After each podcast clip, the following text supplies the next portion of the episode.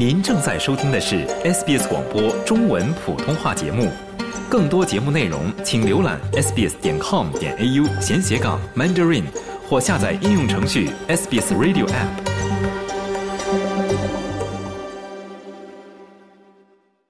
今天我们的故事，我们要听到的是华人戴安娜刘怎么样从失败的小生意中凤凰涅槃，从因为着了火而完全失败的小生意中走出来，成为一位职场女强人，同时又收获了自己美满的爱情和梦想的生活。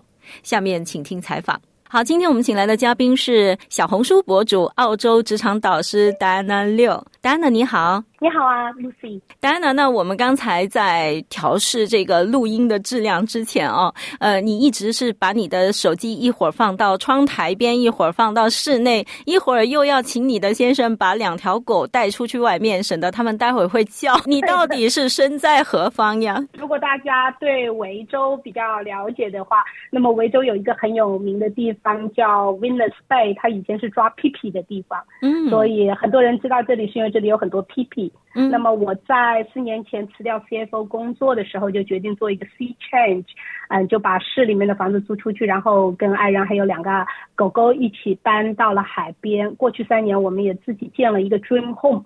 过去三年两年半都住在车库里，建了一个 dream home。现在刚搬进自己的新房。我很多很多年前就跟自己说，我真的很喜欢孩子的那首诗，就是面朝大海，春暖花开。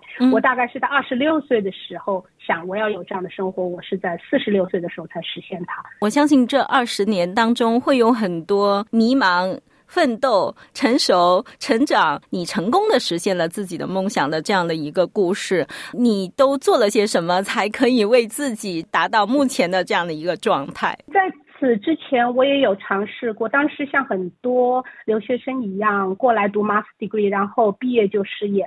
那当时高不成低不就，我也尝试过去做小生意。然后也遇到过仓库火灾，然后背着债务来到维州，老老实实去打工。嗯，那么后来在职场十年，实现了百分之四百的这个收入的上升，并且一路走上去，做到了我很想做的 CFO、Executive Director、General Manager 这一些高管的岗位，把它都做过一遍以后，就觉得可能人生还有很多新的可能性吧，才开始考虑自己要再重新创业。我二零零七年。因为我的那个仓库火灾事业失败，然后扛了一身的信用卡债务来到维州的时候，当时就是两个 cost bag 装了我所有的衣服，还要跟朋友借衣服去，因为是火灾嘛，都烧掉了。那么就是跟朋友借衣服去面试。当时是 GFC 的那一年，全球金融金融危机，那样自己逼自己去找工作。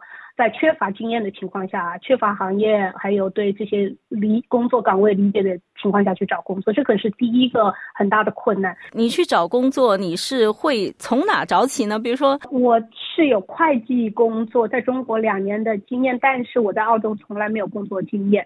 当时我很大的问题就是，第一，我做的小生意，那做了小生意，我就是完全没有澳洲企业工作的这个。经验。第二个呢，就是当时从悉尼跨到维州，其实两边它的财务有些东西还有点不一样，然后公司行业我通通不懂，所以当时其实我觉得也有一点无知者无畏，就觉得我就是一个萝卜一个坑，我就是想要一个工作。What I got to lose? I got no job.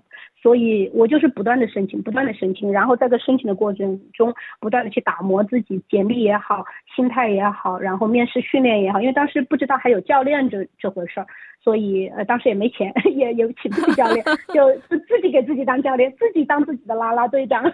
嗯，所以这可能是第一个我克服的很大的困难。所以这个过程经历了多久呢？两三个月吧。两三个月之后，你找到了第一份就是会计的工作。对，而且当时我拿到两个 offer，一个呢是在 City Council 做会计，另外一个呢是在 Melbourne International Comedy Festival，就是这个喜剧节的这个机构做会计。那听起来这两个都很不错呀。是啊，然后当时。City Council 那个比这边还高一万，我记得当时 City Council 给了六万，然后喜剧节给了五万，我的朋友都说要去六万的，我选了五万的。为什么？就是针对我对自己的了解，如果说我是一个爱自由的人，而且我是一个善于解决问题的人，我应该去一个更有活力的企业。嗯，我当时的了解就是，那么喜剧节它有一个比较小的财务团队，我可以在第一年做到很多东西。那么对我来说，上升应该是最快的，cultural fit 也会更好。那 city council 它是一个很大的机器，你进去以后可能没有什么压力，按部就班做一个事情，但一年内对我的来说，成长可能会是很有限的。我就希望能够补起来我在之前做小生意那几年的一些会计方面的专业的东西，能够一年后真正成为一个比较。合格的会计，所以那我们总是觉得说跨出第一步是最难的。刚才我在听你的故事的时候，我都为你捏了一把汗。就是说，因为我们每个华人来到澳洲都有相同的经历呢，你就是空有一身本领，但是你就是没有让让对方呃认识到说我真的我很棒。你觉得你这两三个月的时间里面，你觉得你是用什么说服了这两个给你工作的单位说你可以？其实我们华人有一个思维的误区，就是觉得如果我有很大的技能缺口，我就拿不到那个工作。有这个想法的人，大部分在职场上都爬得很慢。但实际上，我现在教学员也是这个心态。如果你有野心，你又有学习能力，你也愿意挑战自己，你应该去拿有大的缺口的工作，因为进去以后你才不会觉得很 boring。进去以后，你才会有有趣的工作。你现在说的是你的这个目标，你要把自己的目标设得高一点，不要看低你自己。但是这个是可以的，但是你怎么让对方去相信说你是能够做得到？他愿意把这个工作给你，而不是给。其实从技巧上来说是三个点，第一个就是用你的过去的经验。当然，你过去经验肯定跟这个是不完全匹配的，但它可能有相似性。打个比方说，这个工作需要你跟大量的客户连接，那么你如果在过去的工作中服务过大量的人群，它中间是有相似性，取决于你怎么去说这个故事。所以，第一是用你过去的经验，你的 experience；第二个就去。强调去推销你的 capability，也就是我们经常说的 transferable skills，就说这个事情我虽然没有完全做过，但我有潜力去把它做好。为什么呢？我告诉你，我过去怎么展现这些能力的。那么第三个点就是态度。实际上后来我成为领导以后，我就很深刻的体会到，当我管那么多人以后，我深刻的体会到，技术问题其实从来都不是问题。很多领导都会跟我一样觉得，其实技术是很容易教的，嗯，但是不能教的是态度。你很难去改变一个人的态度。如果他 want to be in the comfort zone，you can't make him change。如果他是那种，嗯，I only want to do the same thing today as I did yesterday，你很难教他新的东西。那么，如果你是这种有成长，那么能来澳洲并且敢于去找工作人，他其实都是有 adaptability，他都有一定适应能力，也有一定学习能力的。嗯。但是很多中国人卡在。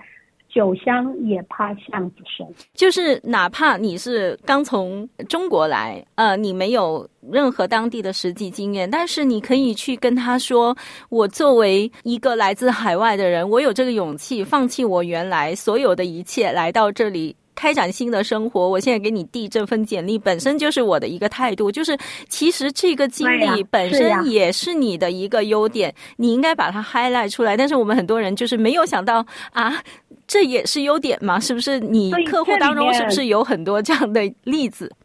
太多了，几乎所有都是。那么，这就是说，实际上这里面讲到的就是你怎么自信的去展现自己。很多中国人的自信搭建在，如果你给我这个工作，我觉得我能做好，这是他的自信，这是他的 inner confidence。但是他不知道怎么去 project this confidence to be persuasive。他怎么去说服一个陌生人，在一个面试四十五分钟的会议里，能够信任你，并且 take a risk to offer you the job。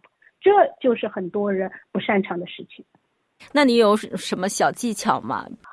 实际上，技巧这个东西，它其实只是浅层的，真正深层的是一个人你怎么看待你自己能给别人创造的价值。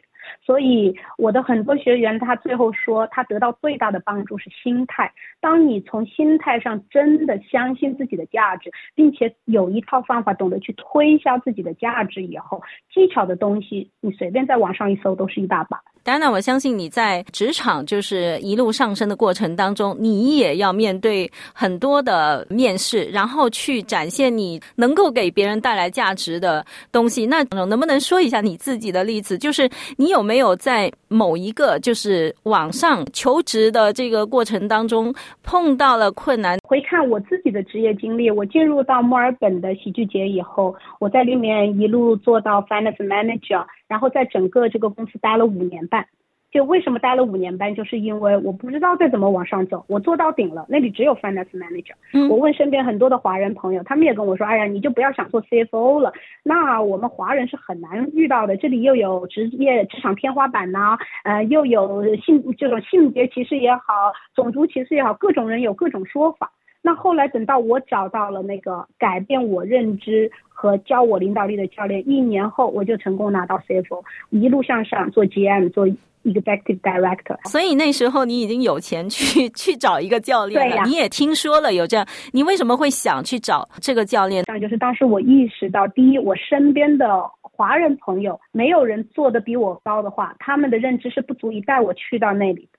我要找的是自己拿到了结果，并且有一套方法和系统能带我去到那里的人。那我。举目看过去，就只有一个 executive coach 能做这件事情。那我就是把自己当做客户去 interview 他们，我去考察他们。我问他说：“我想去做 CFO，你会怎么来 coach 我？”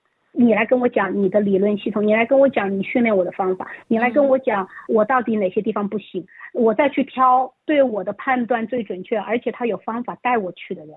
他就是口才好，以前做培训的，所以现在来培训 CEO 吗？来培训 CFO 吗？还是这个人他自己在职场上做到了这样的位置，然后回头来总结他自己的经验，有一套方法带我去。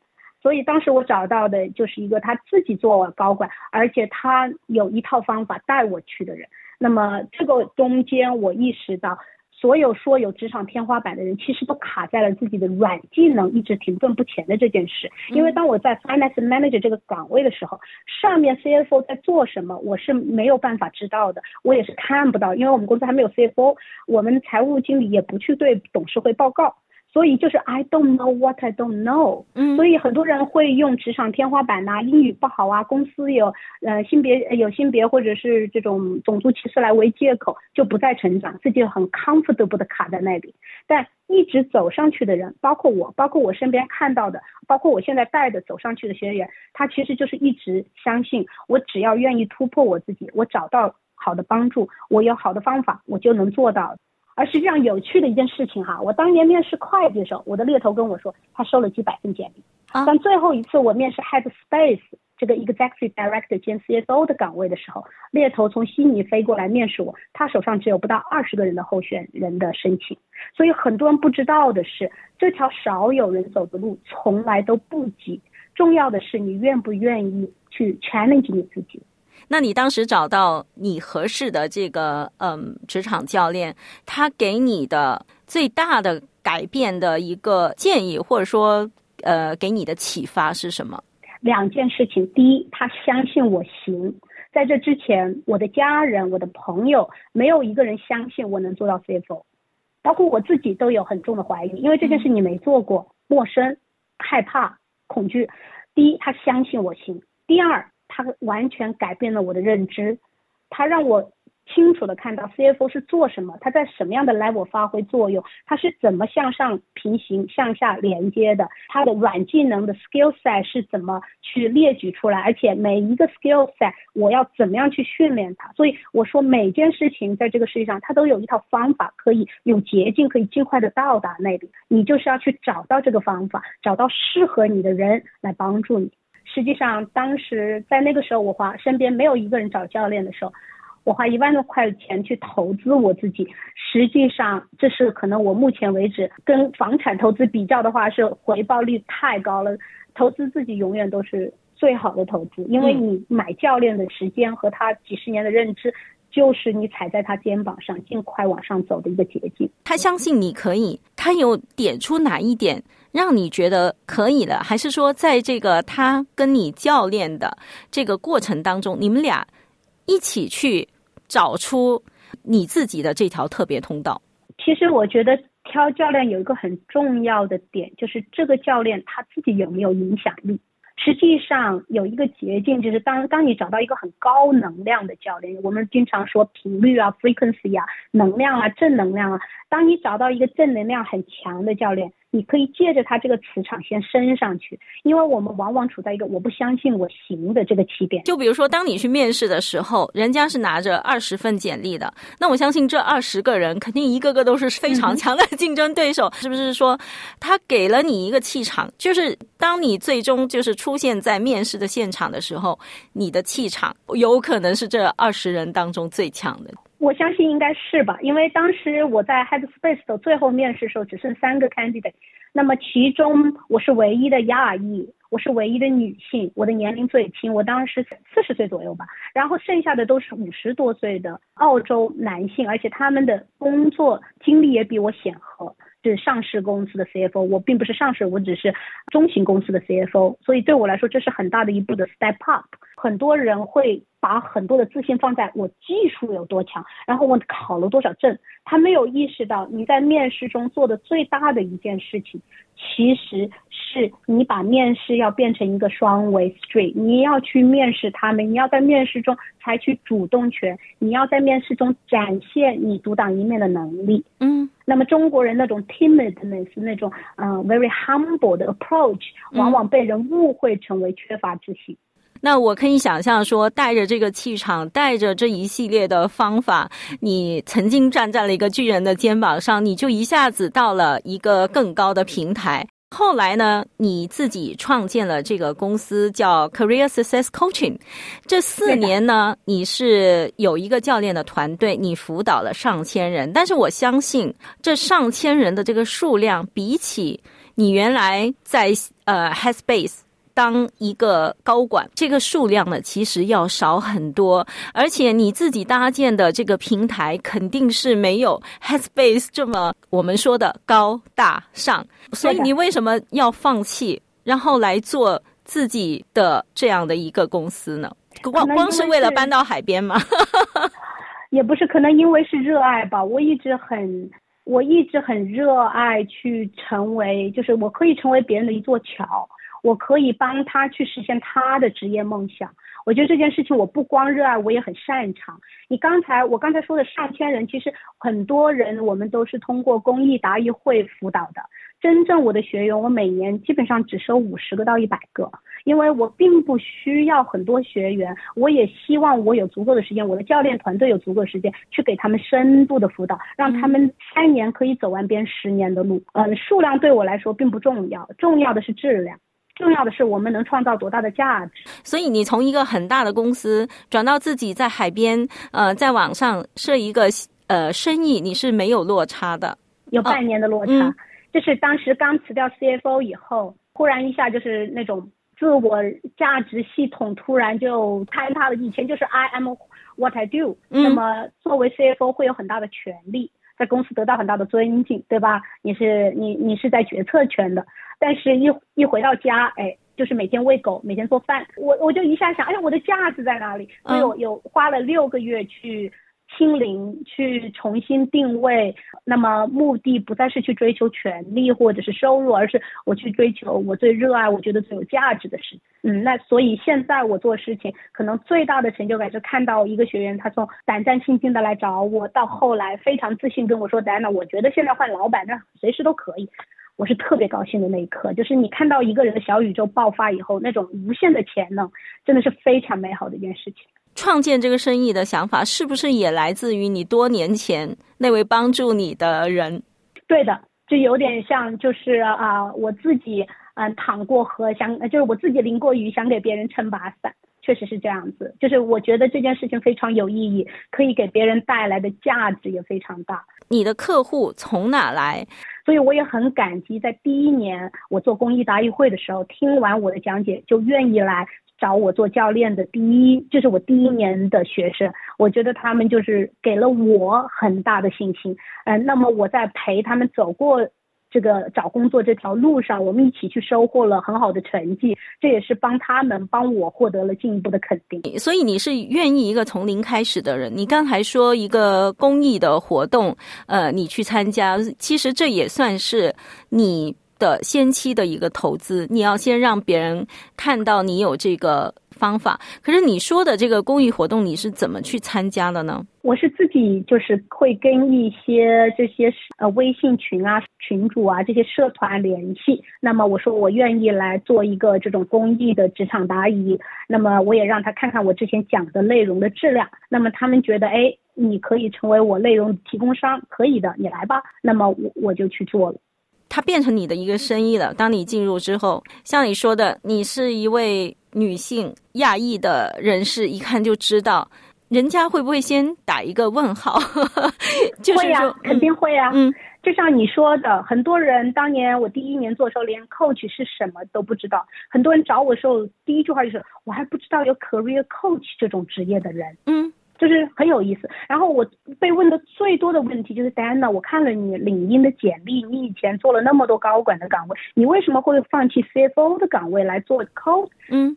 就来做一个我收入完全没有保障的事。我也经常跟他们说，其实你不要把工作这个主，很多中国人就是他在工作中会有种自我感动，他不定不断的加班，还不敢要加班，所以就各种自我感动。我说 你要把工作当副业，把自我成长当主业。目前你选择在 corporate world 去获得你的收入，你售卖你的时间。目的其实还是个人成长。当你成长到一定阶段，你也许会选择我去做管理，我去新的嗯这种高度上面去挑战我自己。因为做管理，你进入决策权，工作会更有意思，更少重复劳动，而且你还有人可以 delegate，你自己也轻松很多。这是第一个。第二个，你也可能到一定阶段，你决定去做 business。所以实际上，不管是一个 job 还是一个可一个 business，它都只是 expression of who you are。我觉得是这样，是一个 extension of who you are。嗯，就是人都是一直在寻找说我是谁，我在哪？对，对，嗯，对，就是说起来就是那个嗯，看门老头的灵魂三问：你是谁？你要去哪儿？嗯，那 Diana，我还有一个问题，我不知道会不会 offend 到你，但是我觉得要 offend 到你很难，很难。那比如说像你。这么能干，在职业上很有野心，这么有自己想法的一个非常优秀的女性，你也肯定知道说，在外表上怎么经营自己，就看起来一个闪闪发光的女生。你在这个寻找灵魂伴侣的道路上，你又是怎么找到的呢？完全不会翻得到我哈，我经常会免费。成为我学员的情感教练，爱情顾问。工作以后，对对对，找到工作以后，督促他去找男朋友。因为就我自己的体验来说，我跟我现在的爱人是在六年前遇到的，嗯，我们是在网上遇到的。嗯，然后在这之前，我有一段八年的关呃关系，关八年的 relationship。我当时的爱人，嗯，也是一位澳洲人，他是一个 musician。我觉得我们华人来到澳洲，我的建议就是。我们既然喜欢这个国家，然后喜欢这里的文化，那为什么不打开心去了解一下这里的人呢？而且我觉得，其实找伴侣这件事情也是一种自我认识的过程。当你越来越清楚，作为女性越来越清楚自己想要什么，你越容易吸引到对的人。可能有一些人会觉得，如果我在职场上很成功，我是女强人，是不是我就很难找到伴侣？在我看来。在职场上成功是女强人，不妨碍你在家里做一个温柔的伴侣。重要的是你找到跟你很契合的人。对对对，问题就是你很难看上谁呀？嗯，可能是选择面不够大吧。其实，在我看来，这个世界上有非常多优秀的男人，只是需要你想办法去遇到他们。那你是怎么遇到的？我就把自己扔到网上了，把自己扔到网上，就是那种他们里的这种网站，这里打了广告了哈。就是我把自己扔到这种网站上，很认真的写了我的择偶要求。嗯。然后我的爱人他当时在这个网站上泡了大半年，遇到一堆他不合适的。嗯。然后他就给我写了个 message。嗯，写个 message，他问我说：“他说，我就发现，哎，他认真读了我的 profile，他知道我当时有一条小狗，而且我在学习滑板，他就跟我说，他说我的大狗可以拉着我，嗯，在西北西大桥一路 飞过去。我当时觉得，哎，这个呢很有意思哦，我就去看了一下他的 profile，结果他是个 builder，我当时就觉得。”我能跟 builder 有什么 connection 呢？我眼里出来的画面感是他们喜欢足球，喜欢 barbecue，然后喝酒，然后开着四轮驱动在外面很粗鲁的狂奔，就很 judgmental 的画面，你知道吗？嗯。然后结果我 partner 说了一句，他说：“他说 building is what I do, is not who I am。”就是这是我的工作，但不是我这个人，不能定义我。对，不能定义我，我就忽然觉得，嗯，这个人有点意思，我觉得可以认识一下。我们就聊了几个月，然后就约了一起遛狗。结果一遛狗就再也没有分开过。我我也相信缘分的，可能也是应该遇到也是对的人。遇到了对的人，并不等于你没有 challenge。在我看来，relationship 就是一个很大的 challenge。戴安娜？那一刻，我觉得你在讲的时候，我又帮你捏了一把汗。你想想，你那么成功、那么富有的一位。女性，然后你 去网上去找伴侣，然后他又那么能说，对，然后还在网上泡了半年，很有经验，超级有经验，对对对，就是就是觉得你可能就是很容易陷入某个陷阱。然后我们看到那么多的呃网络诈骗，其中的很大一部分就是在网上寻求伴侣的时候，很容易上当受骗。你肯定也关注到这些东西了，然后你觉得呃为什么？这一切都跟你是是绝缘的呢，因为我内心没有恐惧，而且我对人是相信的。我相信我自己，我相信我会遇到好的人、对的人，会待我很诚恳的人。当然不等于我就不会遇到不诚恳的人，但是因为我相信我会遇到对的人。那当错的人来了以后，他的行为表现可能只是说说，但没有任何行动的时候，我能看得过、看穿他的一些 intention。嗯，所以我从来不害怕自己被骗。我觉得，如果你让恐惧限制你的行为，那么等到我老了要死的那一天，我会很遗憾，很多事情我都没有去体验过或者去尝试过。嗯，你这个有两面性，一个是一个是非常正面的，一个是就是那些会被骗的人，真的很很少人相信自己会被骗，对吧？没有，我跟你说，如果很害怕被骗的人，你就不会迈出第一步，是吗？对的，而且他的。潜意识里面是相信这个世界上骗子比较多的，嗯，那么 你相信的事情都会成为你的 reality，所以他可能比我更有几率遇到。我为什么要这样问你？我是真的是希望你能够有一些建议或者经验，可以让其他就是同样跟你迈出了勇敢的这一步的人，但是他他到后面还是能够继续做正确的选择。我有一个很深的 belief，就是 love doesn't hurt。我从来不相信爱会带来伤害，带来伤害的是我们对一件事情的执着。所以，如果你相信我，第一，我爱我自己；第二，我值得最好的生活和人；第三，我的爱是一个礼物。如果是一个礼物，当我遇到一个可爱的人，我把我的礼物给他。如果有一天我觉得他没有待我像我待自己一样好，我可以离开他，我可以把我的礼物收回来。如果你抱抱着这样的心态去谈恋爱，你永远都不会受到伤害。当然不等于你的 partner 不会有时候让你气得要死，但是 但是就是说一些底层的东西，它会更匹配。就是你找。到这个爱人的时候，你不会是想我找到他，我人生所有的问题就解决了，或者是说你想我找到他，我就我就过去的这些伤痛都应该靠他来疗愈，或者是他应该对我的幸福负责，或者对我的这个 happiness 负责。在我看来，真的我一直就觉得我的爱是一个礼物。嗯，有一点事情，我们大家可能都希望生活在幻影里，也就是说，I want my relationship last forever。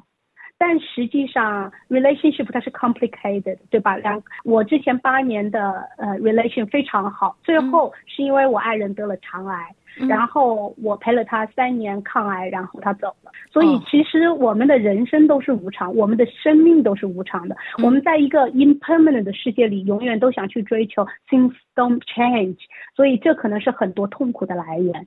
而实际上，relationship 这件事情，如果你不去计较过去，你不去幻想未来，你就每一天跟这个人开开心心的过好你的日子，那很有时很多时候就是八年、十年、二十年一晃就过了，你天天都是开心的。但如果你想因为自己的 insecurity 想去控制这个人，想去改变这个人，那你实际上就是在摧毁一个很美好的东西。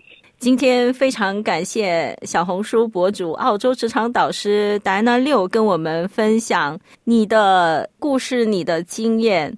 谢谢戴安娜六的分享，谢谢你。喜欢、分享、评论，欢迎您在 Facebook 上关注 SBS 普通话页面。